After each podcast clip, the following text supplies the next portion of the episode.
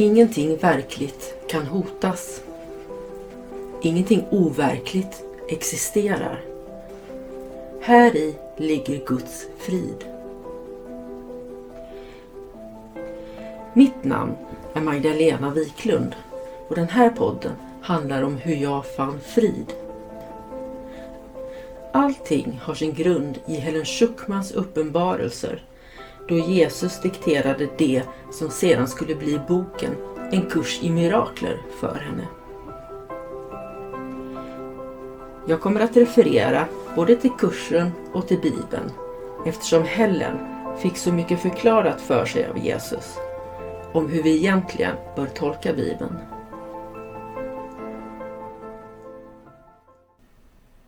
Fader vår som är i himmelen.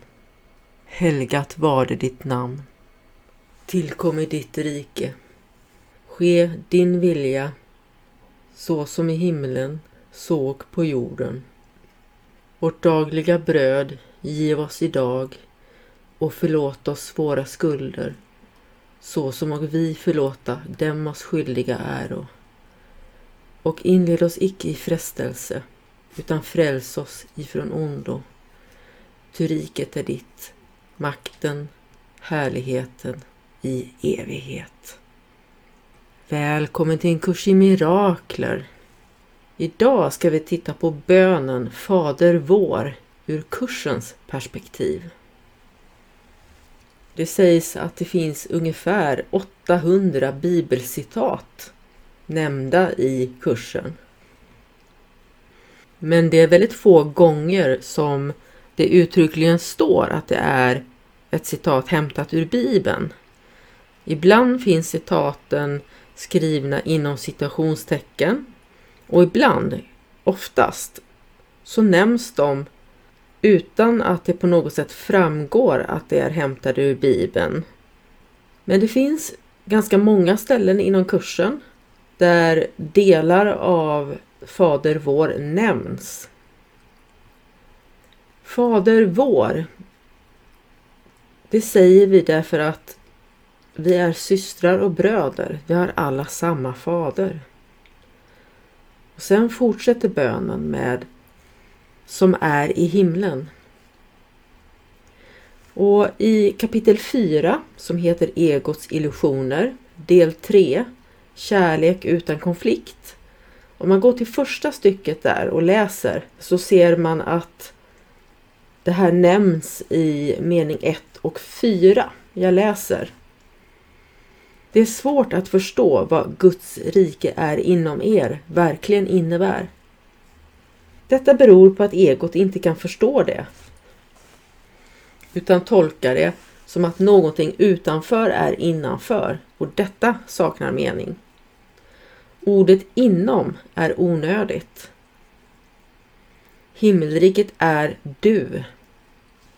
Vad annat än dig skapade skaparen och vad annat än du är hans rike.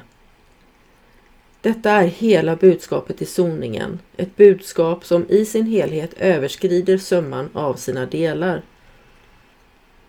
Också du har ett rike som din ande skapade. Den har inte upphört att skapa på grund av egos illusioner. Dina skapelser är inte mer faderlösa än vad du är. Ditt ego och din ande kommer aldrig att skapa tillsammans, men din ande och din skapare kommer alltid att göra det. Var förvissad om att dina skapelser är lika trygga som du. Så här har vi alltså en bibelhänvisning. Guds rike är inom er. Och kursen förklarar vad det här innebär genom att helt enkelt peka på ordet inom och säga att det här är onödigt.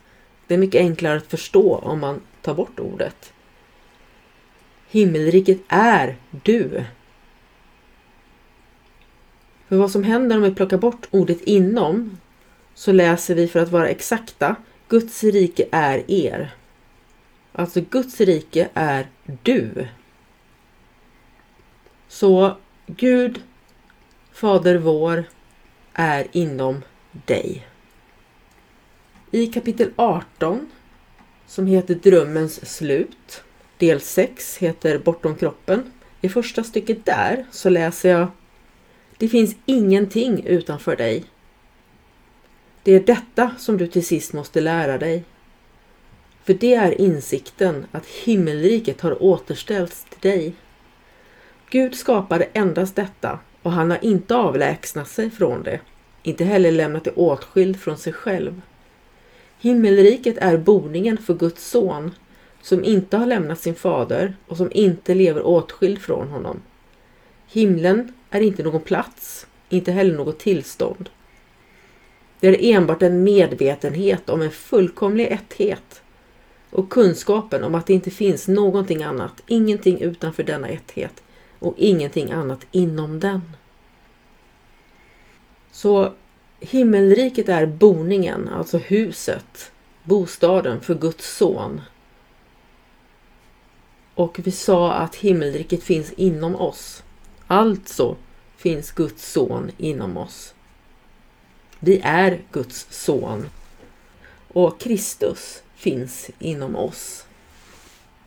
Och himmelriket som finns inom oss är en medvetenhet om fullkomlig etthet. Vi är ett med Gud och ett med våra systrar och bröder. Helgat var det ditt namn. Tillkommer ditt rike. Både Guds namn och riket är alltså heliga. Och om vi går till lektion 183. Jag åkallar Guds namn och mitt eget. Så står det där i första stycket, första meningen. Guds namn är heligt, men inte heligare än ditt. Att åkalla hans namn är endast att åkalla ditt eget. Så precis som vi sa, Guds namn är heligt, men ditt namn är också heligt lika heligt som Guds namn. Och går vi vidare till lektion 184, Guds namn är mitt arv, så kan vi läsa i stycke nummer 11. Använd alla de små namn och symboler som beskriver mörkrets värld. Men acceptera dem inte som din verklighet. Den helige Ande använder dem alla, men han glömmer inte att skapelsen har ett enda namn, en enda mening och en enda källa som förenar alla ting i sig själv. Använd alla de namn som världen ger dem, men endast av bekvämlighetsskäl. Men glöm inte att det tillsammans med dig delar Guds namn.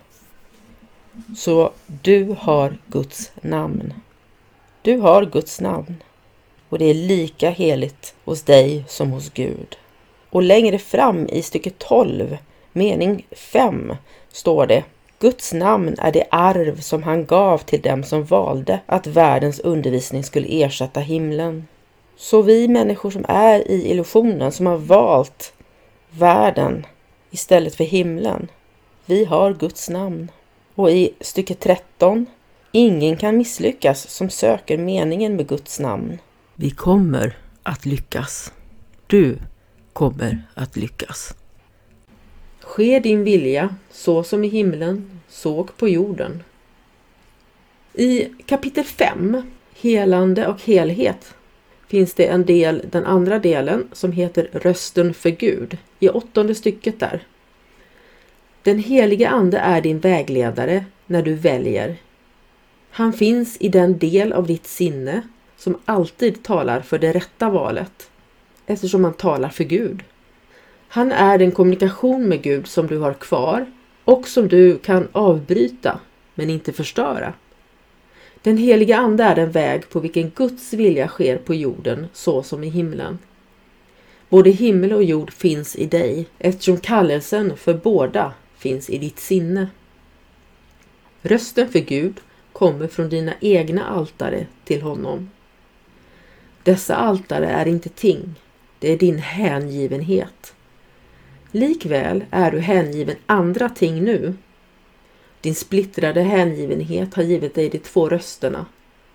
Och du måste välja vid vilket altare du vill tjäna. Den kallelse du nu besvarar är en värdering eftersom den är ett beslut.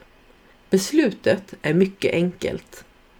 Det fattas på grundval av vilken kallelse som är värd mest för dig. Så återigen, både himmel och jord finns i dig. Båda kallar på dig, illusionen å ena sidan och sanningen å andra sidan. Och du får välja vart du vill gå, vid vilket altare du vill stå. Kapitel 18 som heter Drömmens slut, del 5, Den lyckliga drömmen, stycke 4, mening 3. Men jag kommer att läsa hela stycket. Lyckliga drömmar blir sanna, inte därför att det är drömmar, utan bara därför att de är lyckliga. Och därför måste de vara kärleksfulla. Deras budskap är Ske din vilja och inte Jag vill att det ska vara på ett annat sätt.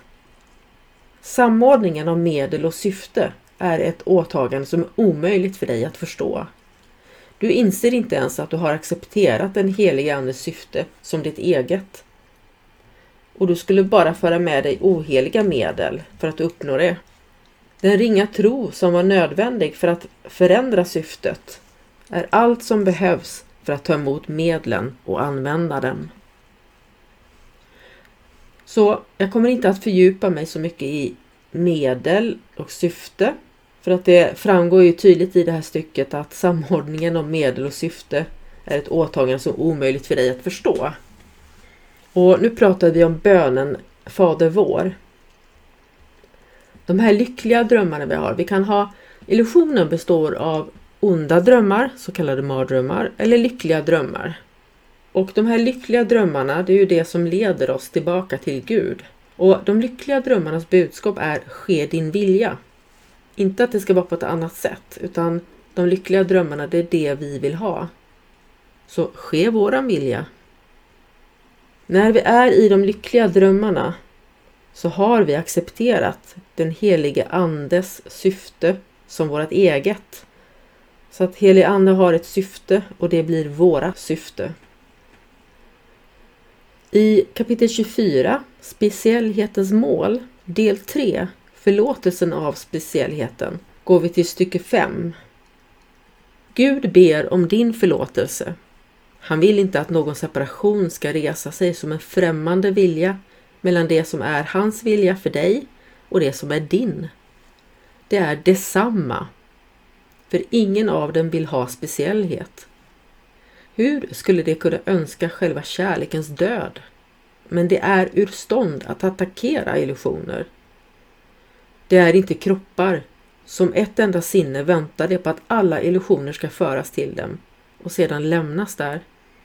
Frälsningen utmanar inte ens döden.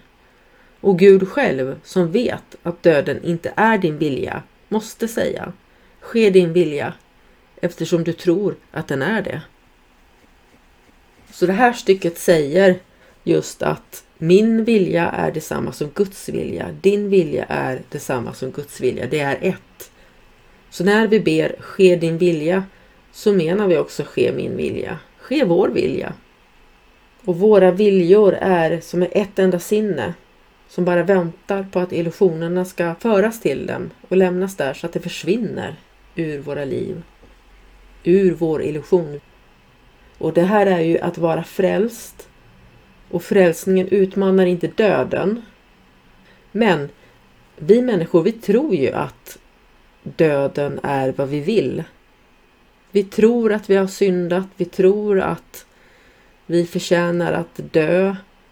Och just därför så måste Gud säga, för Gud vet att döden inte är vår vilja. Han måste säga, ske din vilja till oss. I kapitel 31, det slutliga sanna seendet, går vi till den sjätte delen som heter Att känna igen anden. Och i fjärde stycket där så läser vi Endast i högmod skulle du kunna föreställa dig att du måste bana vägen till himlen. Medlen har givits till dig genom vilka du kan se den värld som kommer att ersätta den som du gjorde. Ske din vilja. I himlen liksom på jorden är detta för evigt sant. Det spelar ingen roll vad du tror att du är, inte heller vad du tror att sanningen om dig verkligen måste vara. Det gör ingen skillnad vad du ser på, inte heller vad du väljer att känna eller tänka eller önska. För Gud själv har sagt, ske din vilja och därför sker den. Så återigen är vi tillbaka till att Gud säger Ske din vilja till oss. Och det spelar ingen roll vad vi tror att vi behöver göra eller vad vi ser på eller hur vi uppfattar sanningen om oss själva. Vi kommer så småningom till himlen. Vi fortsätter i stycke 7. Kanske kan ge lite klarhet i det vi nyss läste.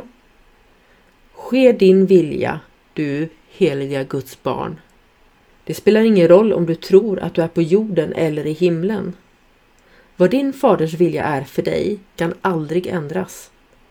Sanningen i dig förblir lika strålande som en stjärna, lika ren som ljuset, lika oskyldig som kärleken själv. Och du är värd att din vilja sker. Och här så pratar Jesus alltså direkt till oss, direkt till dig som lyssnare.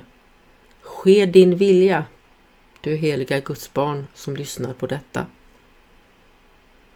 Det spelar ingen roll om du tror att du är på jorden eller i himlen, för det är bara vad du tror. Men vad Gud vill, det kan inte vi ändra på. Det står att sanningen finns i dig. Och den strålar som en stjärna, det är symbolik. Lika ren som ljuset, lika oskyldig som kärleken själv. Du är oskyldig, du är utan synd. Du är värd att din vilja sker. Sker din vilja, du heliga Guds barn. Du är värd att din vilja sker. I lektion 186 Världens frälsning beror på mig. Lektionen den inleds så här.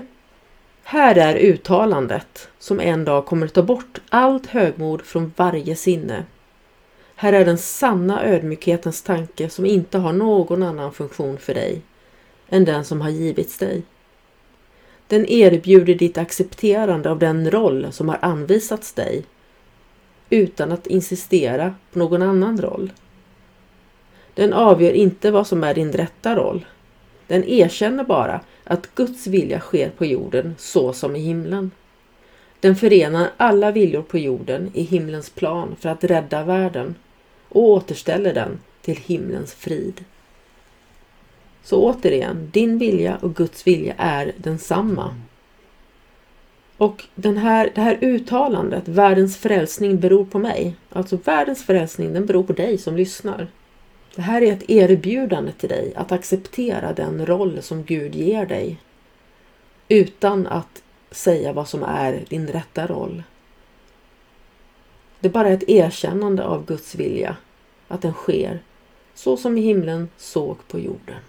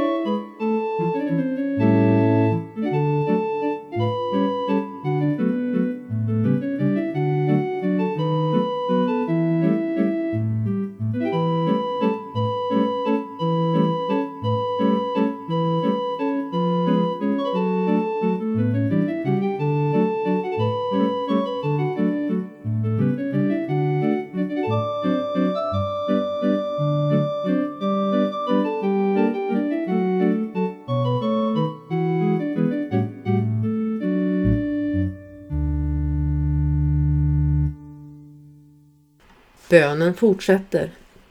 Vårt dagliga bröd giv oss idag och förlåt oss våra skulder, så som och vi förlåta dem oss skyldiga äro.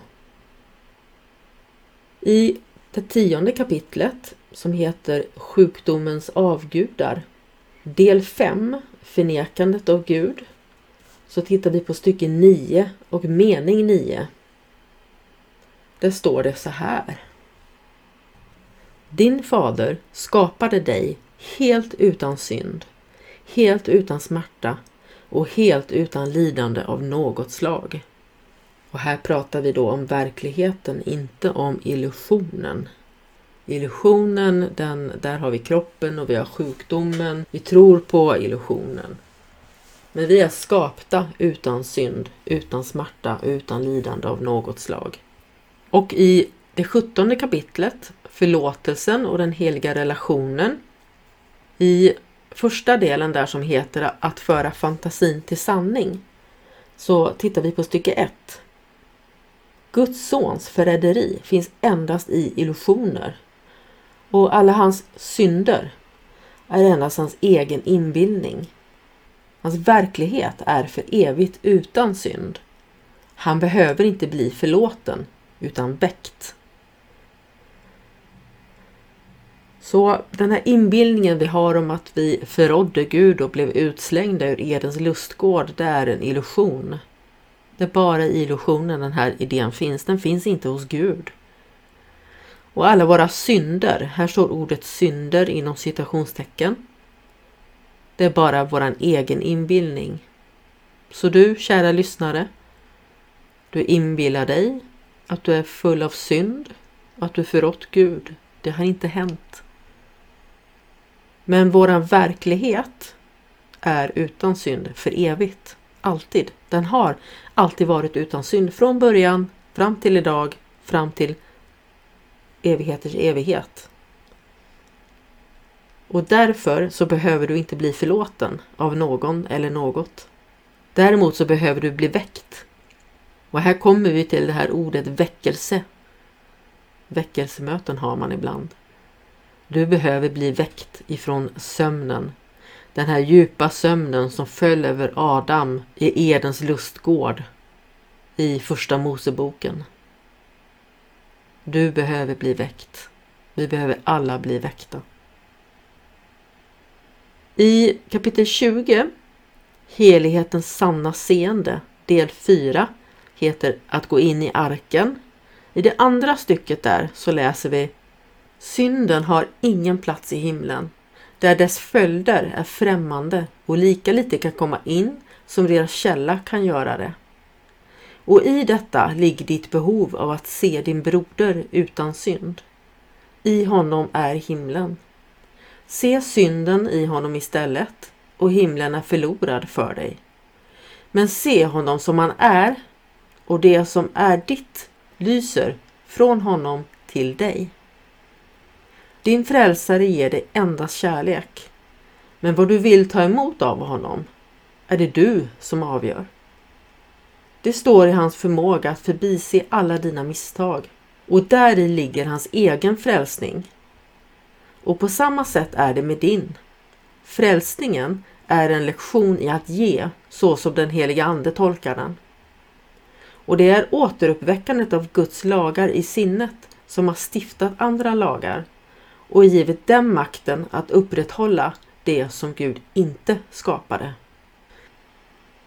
Så här pratar vi om att så som och vi förlåta dem oss skyldiga äro. Titta inte på din broders, din systers synd. Du har ett behov av att se din broder eller din syster utan synd. För att i din broder eller syster, där finns himlen. Precis som himmelriket är i dig, så finns också himmelriket i mig och alla andra medmänniskor vi har. När vi ser synden i våra bröder och systrar, då förlorar vi himlen. När vi ser att de är utan synd, då har vi himlen. För synden har ingen plats i himmelriket. Så att se din broder som han är, det vill säga utan synd, och det som är ditt lyser från honom till dig.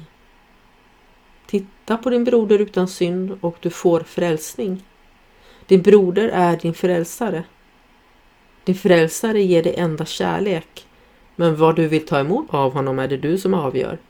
Så vi människor, vi är här för att frälsa varandra, för att hjälpa varandra till frälsning. Och bönen fortsätter. Och inled oss icke i frestelse. Om vi tittar på det första kapitlet i textboken, Miraklernas mening.